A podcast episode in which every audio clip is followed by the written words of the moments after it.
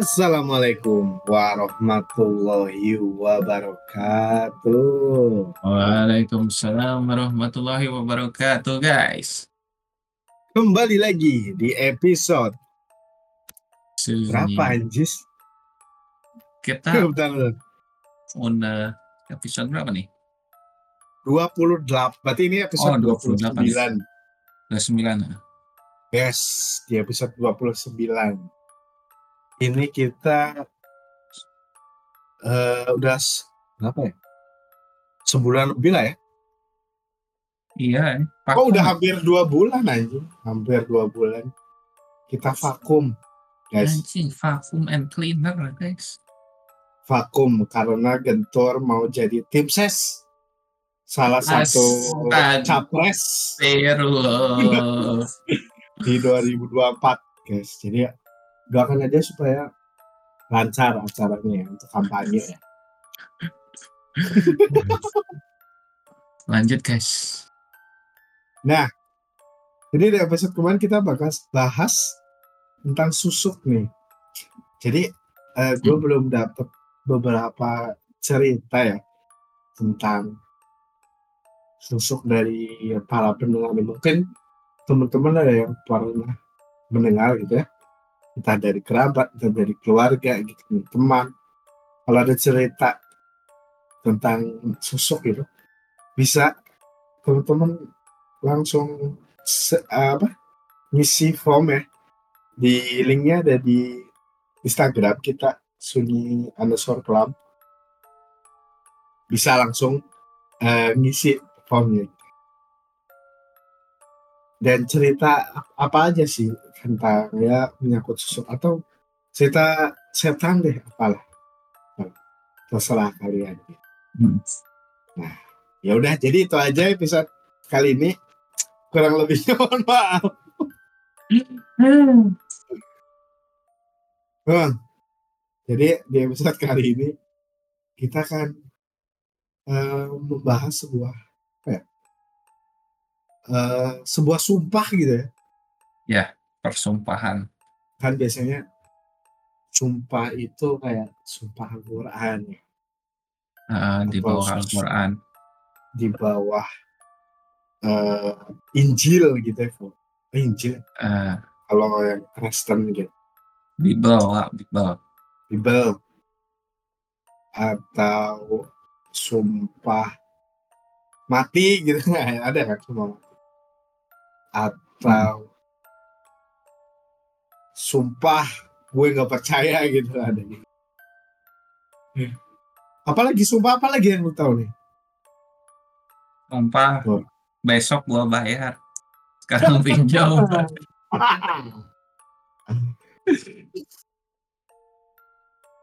Anjis boleh pinjam 100 agar silaturahmi tidak terputus Tidak terputus.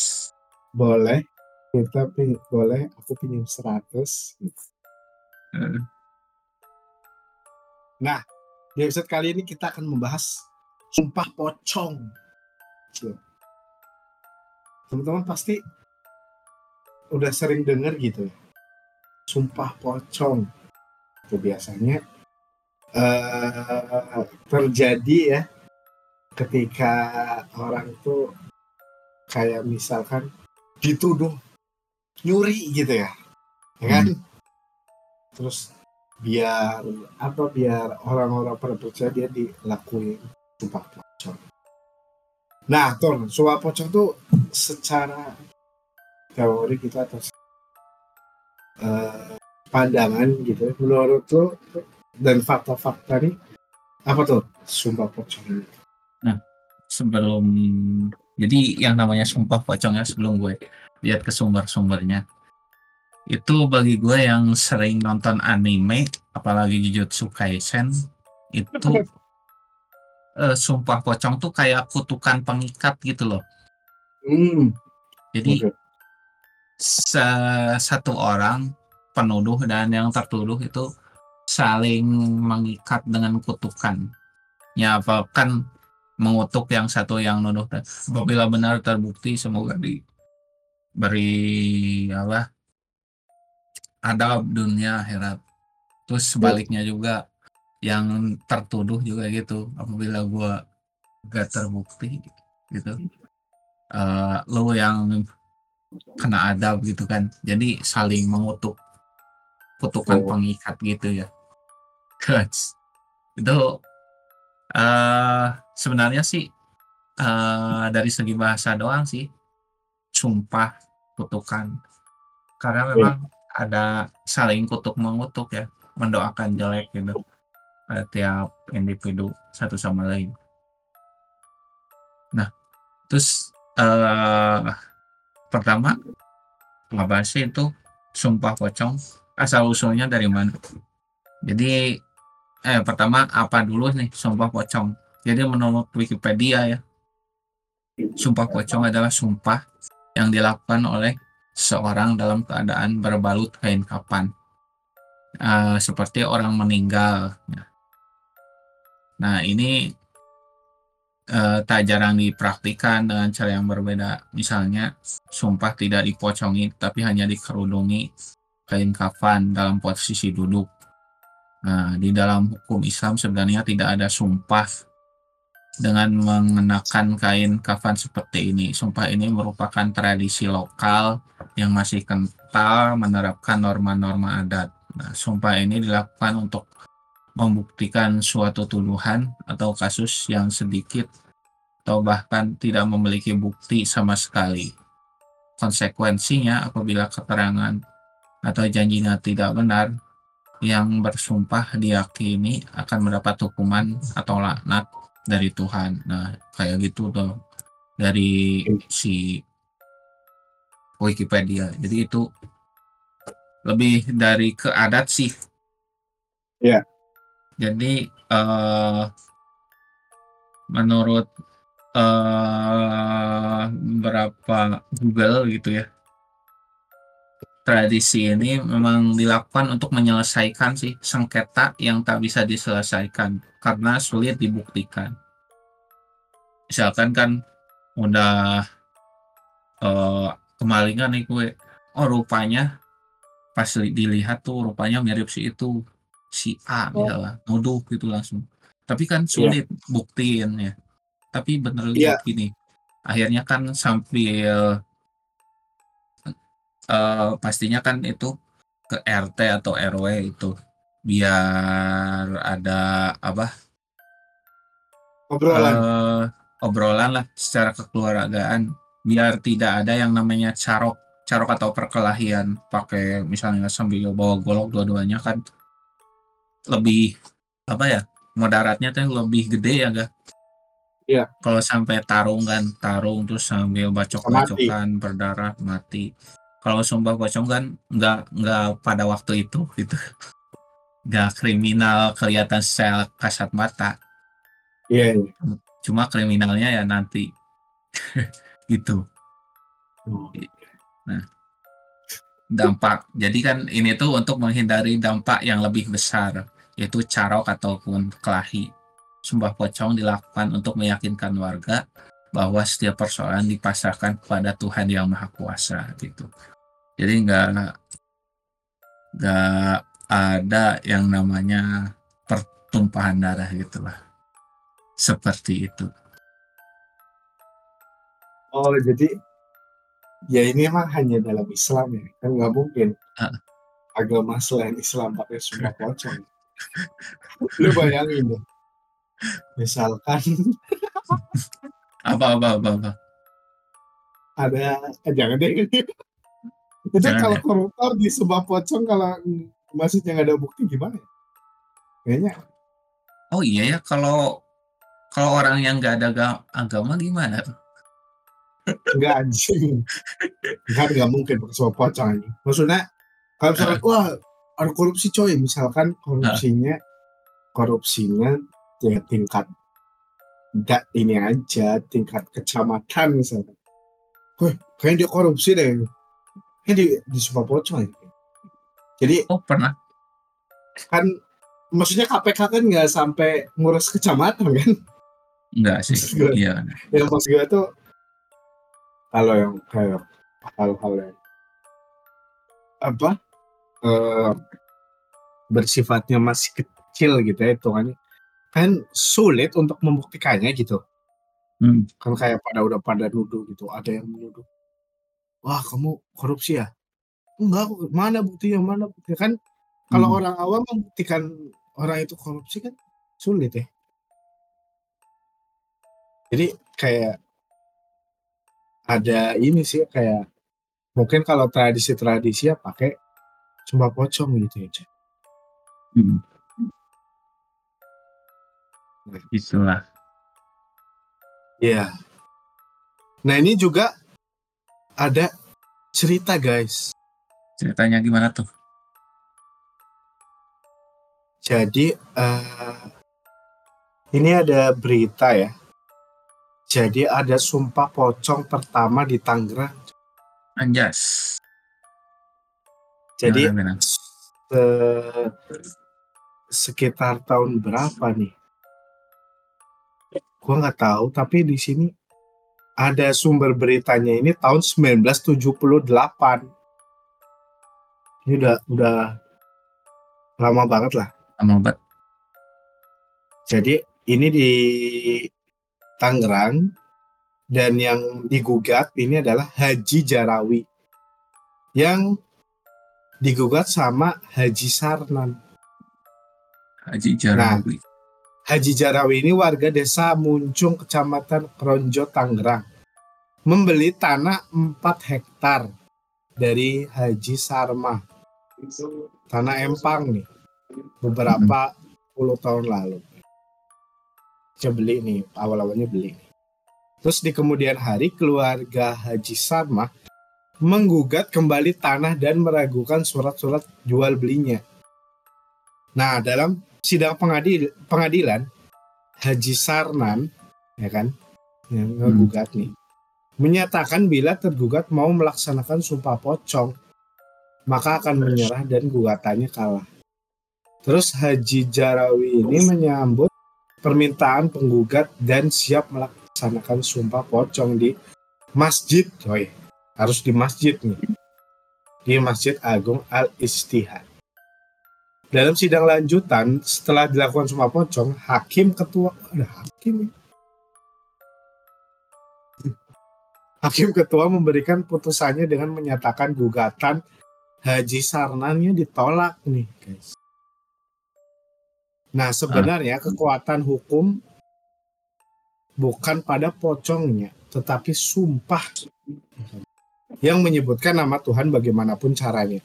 Karena penggugat minta sumpah pocong dan tergugat mau maka tidak ada salahnya untuk dilaksanakan. Menurut salah satu tokoh ulama yang juga pengurus Masjid Agung, saat itu, saat itu mengatakan bahwa sumpah pocong-pocongan sumpah yang paling akhir bagi manusia gitu tanya. Cukup dengan mengucapkan mengucapkan demi Allah. Mungkin ini hanya hukum adat ya balik lagi ya ke Hmm. tradisi orang di situnya gitu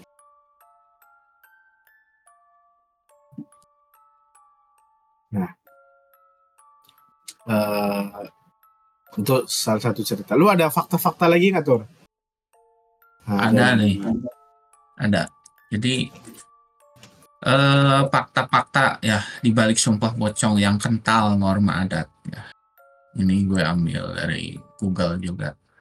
Sumpah pocong merupakan salah satu ritual untuk membuktikan suatu tuduhan atas kasus yang sedikit atau bahkan tidak memiliki bukti sama sekali. Nah, menggunakan pakaian ciri khas pocong yaitu kain kafan. Kemudian masyarakat percaya apabila keterangan atau janjinya tidak benar maka si pelaku sudah bersumpah akan mendapat hukuman atau laknat dari Allah. Berikut fakta-fakta sumpah pocong yang dikutip dari berbagai sumber. Satu, sejarah pelaksanaan sumpah pocong. Sayangnya hingga saat ini tidak ada litera- literatur mana pun sumber sejarah yang membahas sumpah menyeramkan ini.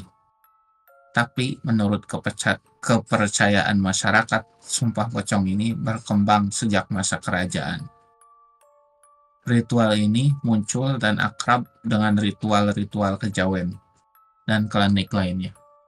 Namun, jika di hari dilihat dari sosok pocong yang digunakan, ada dampak psikologis di mana jika seorang berbohong, maka kematian yang akan mengancamnya. Yang kedua, digunakan untuk persoalan tertentu. Nah, Tentu sumpah pocong hanya digunakan untuk persoalan-persoalan tertentu. Sumpah jenis ini diambil saat persidangan atau hukuman tidak mampu menyelesaikan. Kasusnya bisanya biasanya tidak bisa dibuktikan, misalnya kasus santet, sihir, fitnah besar, serta kejadian-kejadian yang tidak ada buktinya. Sumpah pocong dipilih sebagai jalan terakhir yang hakimnya adalah Tuhan sendiri. Nah, gitu. Yang ketiga, pelaksanaan sumpah pocong. Ada tiga hal yang harus dipersiapkan dalam melaksana, pelaksanaan salah satu ritual klinik ini. Pertama adalah kain kafan atau mori. Kemudian saksi. Yang terakhir adalah sumpahnya. Orang yang hendak melakukan sumpah pocong ini akan diperlakukan seperti mayat, mulai dari dimandikan sampai akhirnya dibalut dengan kain kafan. Si pesumpah akan dibimbing oleh seorang tokoh untuk mengucapkan apa-apa yang perlu dikatakan. Tidak hanya sumpah saja, tapi juga yang deretan risiko yang akan ditanggungnya jika berbohong, yakni mati, sakit parah, miskin tujuh turunan, dan sebagainya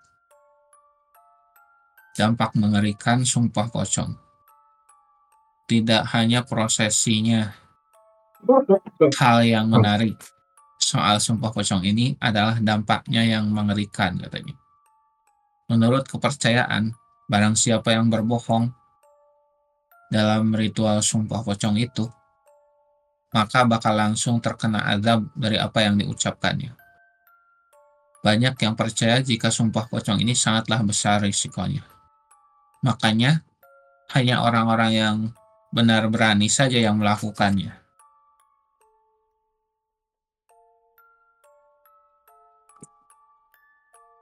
Terus? Ya seg segitu guys, udah. Oke. Jadi itu ya guys beberapa fakta gitu. Fakta aja. Fakta aja tentang sumpah pocong. Poci. Nah, jadi pocica anjing kenapa pocica? Sumpah pocica, sumpah pocica. Teh poci. Teh poci. Ya. Nah, jadi guys, gua ada uh, satu cerita nih. Dan cerita ini mm, lumayan baru gitu. Jadi ini gue baca di Twitter at Bioseta. Ini dia bikin tweetnya 5 September 2023 gitu. Jadi baru bulan kemarin. Nah, gua akan membacakan sebuah uh, tweet Twitter yang lumayan mengerikan. Judulnya adalah Sumpah Pocong 1992 gitu. Jadi mungkinan ini adalah tahun di mana kejadian Sumpah Pocong ini. Nah, sumpah pocong menjadi awal dari teror yang terjadi di salah satu desa di Jawa Timur. Mendengar tentang sumpah pocong, beberapa orang pasti akan bergidik ngeri. Biasanya sumpah pocong melibatkan kasus besar yang berkaitan dengan nyawa dan harga diri. Gitu. Apalagi konsekuensi kebohongan sang pelaku adalah nyawanya. Fenomena ini ternyata tak jarang terjadi di Indonesia. Cara ini banyak diambil oleh permasalahan-permasalahan yang sulit dibuktikan kebenarannya. Namun, tak jarang juga ritual sumpah pocica ini membawa masalah yang berkepanjangan. Mereka yang mati adalah mereka yang bersalah. Dan ada yang percaya roh mereka tidak mati dengan tenang. Sumpah Pocong, Jawa Timur, 1992. Saya masih ingat kejadian itu di mana baru beberapa saat petang mulai datang warga terburu-buru berlari ke arah suatu tempat. Rumah Pak Ruslin, kepala desa Patirejo. Nama desa sudah di sana. Tempatku tinggal saat itu. Namaku Aji. Kayak kayak Arden radionya. Namaku Aji. Saat itu aku masih berumur 12 tahun dan duduk di bangku SMP. Rentetan kejadian yang mengerikan ini adalah hal yang tidak pernah bisa aku lupakan hingga saat ini. Dan semua dimulai dari ritual. Ono opo toh pak? Ada apa toh pak? Tanya bapak pada salah satu warga yang ikut berlari ke sana. Ruame pak, rame. Budenok padu karo anaknya Pak Raji. Orang ngerti masalah opo rono wae. Rame pak. Rame. Budeno berantem sama anaknya Pak Raji. Nggak tahu masalah apa. Sana aja.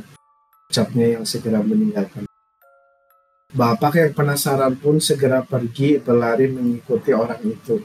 Aku pun mengambil kasutku dan segera mengikuti Bapak. Sudah ada belasan orang di sana berkumpul memandangi orang-orang di sana dari jauh. Kalau kamu berani memfitnah suamiku lagi, tak rusak mulutmu. Kata-kata kasar itu keluar dari mulut seorang ibu pada seorang perempuan muda yang tengah menangis tak jauh dari posisi ayahnya. Rupanya bukan pertengkaran mereka yang menjadi hal menarik menjadi tontonan warga. Anak perempuan yang menangis itu sedang terbaring terbungkus kain kafan. Di hadapan ibu yang mengumpat tadi juga terlihat seorang pria yang sudah siap dengan kain kafan yang diri. Mereka diperlakukan layaknya jenazah, dimandikan, disolatkan, dan dibungkus dengan kain kafan. Iya. Yeah. Edan wong wong kui wis edan. Gila orang-orang itu sudah gila. Kumam papa. Itu kenapa tuh Pak? Kok nakutin tanyaku? Bapak tidak segera menjawabku. Ia masih melirik-lirik di antara warga desa lain sembari melihat pada kedua orang yang sekarang sudah terbungkus kain kafan sepenuhnya. Sumpah pocong, papa. Mereka adalah Pak Kadirin, suami dari Budeno, dan Imah, anak dari Pak Raji. Aku sempat mendengar Pak Rusli sudah bertemu dengan mereka untuk menengahi, menengahi permasalahan mereka. Tapi aku tidak menyangka hasilnya akan seperti ini. Setelah terbukti bahwa janin di perut anak sundal itu bukan anak saya, keluargamu juga harus meninggalkan desa ini malam ini juga teriak Pak Hadirin yang sudah terbungkus senter. Jadi nyangkanya bayi eh apa janinnya di perutnya si eh, siapa tadi tuh? Aduh. Ah, ah, jadi siapa tadi? Anak perempuan ini. Apa ya namanya? Dulu tadi anak anak sepak laji oh anak sepak laji gitu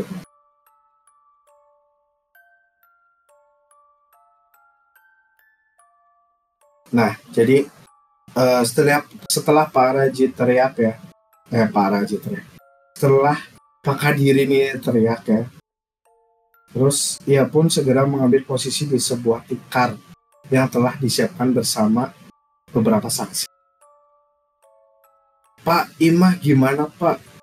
Imah takut, Imah ketakutan melakukan itu. Oh Imah namanya guys. Yang dituduh uh, apa? Tadi yang janin janin di perut Imah.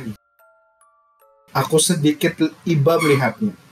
Umurnya yang baru belasan tahun sudah harus menghadapi masalah seperti itu. Dari desas-desus warga barusan, aku baru tahu bahwa Imah hamil dan menuduh Pak Kadirin yang menghamilinya. Hmm. Iya, kali ya, sama Pak Kadirin. Ini nggak tahu sih, maka dituduh. Pak Kadirin jelas membantahnya. Sudah beberapa hari pertikaian di antara keluarga mereka terus berlanjut hingga tidak menemukan titik temu. Pak, Pak Raji yang terus berusaha menuntut keadilan terus mendesak Pak Kadirin untuk mengaku sampai akhirnya Pak Kadirin menantang Imah untuk melakukan suatu ritual yang lama tidak terdengar di desa kami. Sumpah pocong. Kamu yakin tidak berbohong kan, Mah? Banyak Pak Raji uh, ayahnya. Imah jujur pak ucapnya sambil menangis. Kalau kamu jujur, kamu akan selamat. Bapak akan jagain kamu. Ibu Pak Imah tidak punya pilihan. Sepertinya Pak Raji pun sudah terdesak. Kalau ia menghindar, maka anaknya akan dicap warga desa sebagai pembohong, wanita murahan, dan harus hidup menanggung beban itu bersama anak di kandungannya. Apalagi nama keluarga mereka juga itu terus. Seketika suasana rumah Pak Rusli menjadi hening. Tidak ada suara bisik-bisik sedikit pun di gelapnya malam saat itu.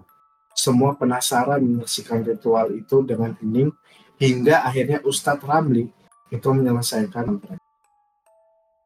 Monggo Imah, ucapkan sumpahmu, ucap Ustadz Ramli. Imah terisak menahan rasa takutnya namun ia meneng oh, namun ia menegarkan diri untuk membuka mulutnya. Saya Imah bin Rajirin. Dengan kesadaran dan tanpa paksaan dari siapa pun melakukan sumpah mengubah hal wa ulahi bilahi tawalahi. Laknat Allah atas diriku dan matilah aku saat ini juga bila aku berdosa anak yang berada di kandungan saya adalah anak Pak Kadirin seketika angin dingin bertiup di antara kami Ucapan Ima dengan isak tangis terdengar lirih di telinga.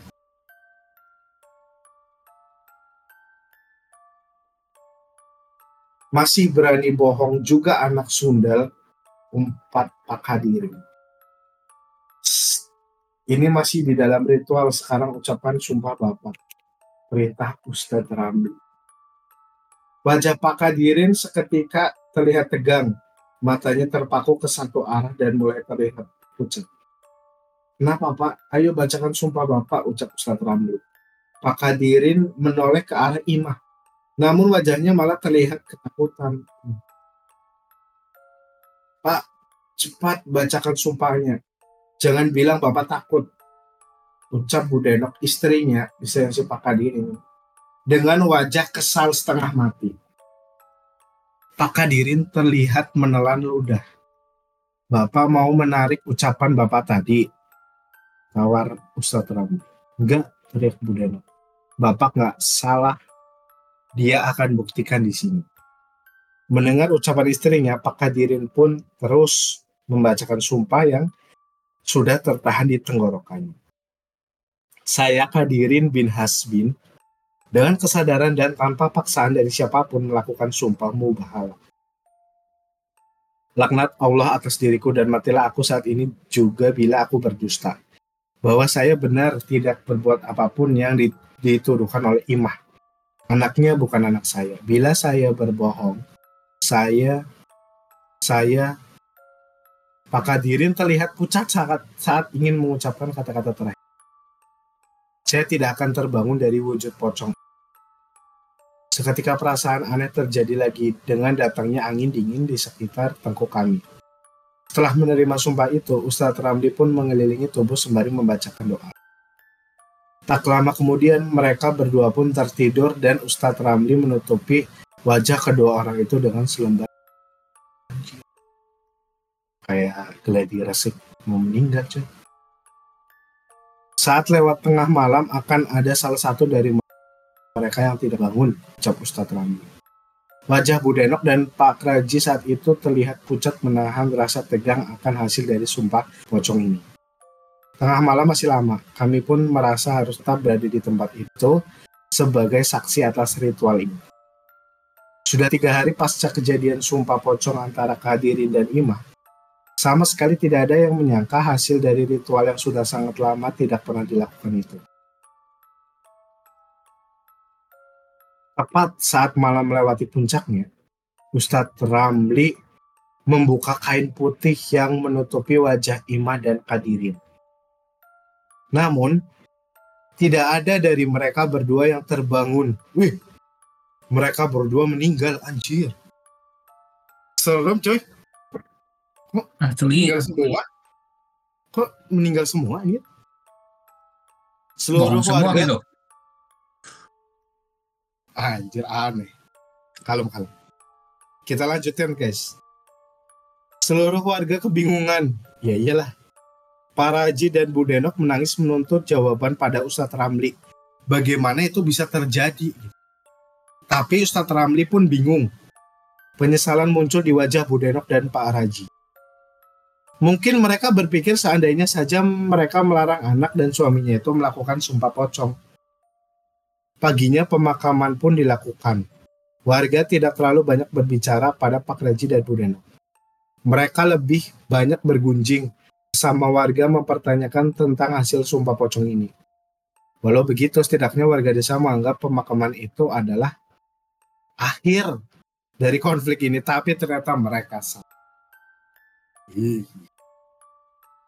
Suatu malam, aku dan beberapa warga sedang menonton tayangan sepak bola di pos. Di masa itu televisi masih merupakan barang mewah dan tidak semua orang bisa memilikinya. Pos ronda adalah tempat favorit untuk kami untuk menonton televisi saat ada tayangan-tayangan yang ramai. Saat malam semakin larut, ada seseorang anak bernama Ragil yang menatap ke arah jalan yang berdekatan dengan kebun pisang. Wajahnya pucat dan hanya terpaku arah itu. Gil, ngapain aku memainkan tanganku di hadapannya? Mas, aku pulang duluan ya, ucapnya ketak terlihat ketakutan. Kami pun curiga dan menoleh ke arah yang membuat Ragil ketakutan seperti itu. Tidak jauh dari tempat kami berada di jalan desa yang bersebelahan dengan kebun pisang, terlihat sosok pocong yang melayang perlahan melintasi jalan. Po, po, pocong. Semua melihatnya dengan jelas. Anjir, banyak kan berarti. Itu bukan bayangan, itu bukan bayangan putih layaknya asal. Tapi sosok makhluk yang terbungkus kain kafan lusuh yang melayang. Saat menyadari penampakan itu, seketika pemuda yang berkumpul di tempat itu membubarkan diri dan lari terbirit-birit menuju rumahnya masing-masing. Aku dan Yono pun terpaksa memutar untuk sampai ke rumah. Keesokan harinya, kabar mengenai penampakan pocong itu menyebar ke warga desa. Tapi cerita dari pemuda pos ronda saat itu hanya menjadi cerita biasa di desa Patirejo. Sampai pada malam berikutnya sesuatu terjadi. Tok tok tok tok. Kap. Mari ke ini. Pocong Thailand ini. Suara ketukan terdengar di rumah Yono di malam hari. Saat itu Yono dan orang tuanya sudah tertidur. Ibu Yo, Ibu Yono tahu suara ketukan itu bukan berasal dari rumahnya, namun karena ketukan itu terus terdengar. Ia pun terbangun dan mencoba mengintip dari gorden rumah. Benar, ketukan itu berasal dari depan rumahnya, rumah Budeno. Ini yang istrinya, eh istrinya itu ya Pak Hadirin. Namun Ibu Yona tidak pernah menyangka dengan apa yang dilihatnya. Kini ia tahu mengapa tetangga di depan rumahnya tidak pernah membuka ketukan pintu itu. Pemandangannya yang ia lihat saat itu seketika membuatnya lemas. Iya. Di hadapannya ada pocong yang tak henti-hentinya mengetuk rumah Bu Deno. Iya. Serem. Lanjut nggak ya guys? Bangsa ini. Oke. Makhluk yang terbungkus kain kafan itu berdiri di pintu dan mengeluarkan tang- tangganya anjir tangannya yang membusuk dan terus mengetuk rumah. Anjir! Pocong sekarang bisa keluarin tangan, guys. Asli. Ya. ini bisa gua intang kan kalau nggak salah pocong tuh kalau ngetok tuh dia iniin apa uh, ininya kan jidatnya kan. Tok tok tok. Ini pakai tangan guys. Gitu. modern. Dia tidak bisa membayangkan bagaimana takutnya Bu Denok yang tinggal seorang diri dan mengetahui ada sosok pocong yang mengetuk pintu rumahnya. Ibu Yono pun memilih untuk menutup gorden jendelanya dan kembali ke kamarnya. Kenapa Bu? Tanya ayah Yono yang coba Jangan, jangan keluar Pak, ada pocong. Hah? Ngawur kamu. Ayah Yono ingin memastikan ucapan istrinya. Namun istrinya bersikap hanya ia takut jika pocong itu sampai berbalik dan menuju rumah. Hmm. Kejadian itu tidak hanya terjadi sekali malam berikutnya dan rumah fakir anjing. Goblok. Orang orang di orang gempa, gempa anjing, aing keluar dulu. Anjir. Gempa. Oke oke oke. Oke. Oke guys. Jadi mungkin ceritanya kita uh, pending ya di episode kali ini karena gempa anjir gile oke oke oke jadi mungkin di next episode ya kita akan membahas lagi uh, ceritanya. Uh, ini karena ada bencana alam guys. Ini gentor sih. Gua sumpah nih gue kaget anjir gempa bro. Jadi uh, ini tiba-tiba ada gempa ya dari Gentor itu kan tinggal di Banjar di Ciamis. Nah, yang itu kan deket-deket sama pantai ya, jadi agak ngeri. Dan ya dia dia lagi mengilah evakuasi sumpah nih anjing nih podcast sampai gempa lagi. Jadi itu aja dulu ya guys uh, podcast kita. Nanti next episode kita akan membahas uh, cerita Sumpah Pocong ini ya. Sebelumnya mohon maaf banget nih beneran nih sumpah nih. Jadi uh, di episode berikutnya kita akan langsung membahas Sumpah Pocong ya. Karena tadi ceritanya belum selesai. Itu aja dari gua sama Gentur. Doain ya semoga Gentur selamat nggak kenapa-napa. Ini beneran nih. Jadi wabillahi taufiq walhidayah. Wassalamualaikum warahmatullahi wabarakatuh.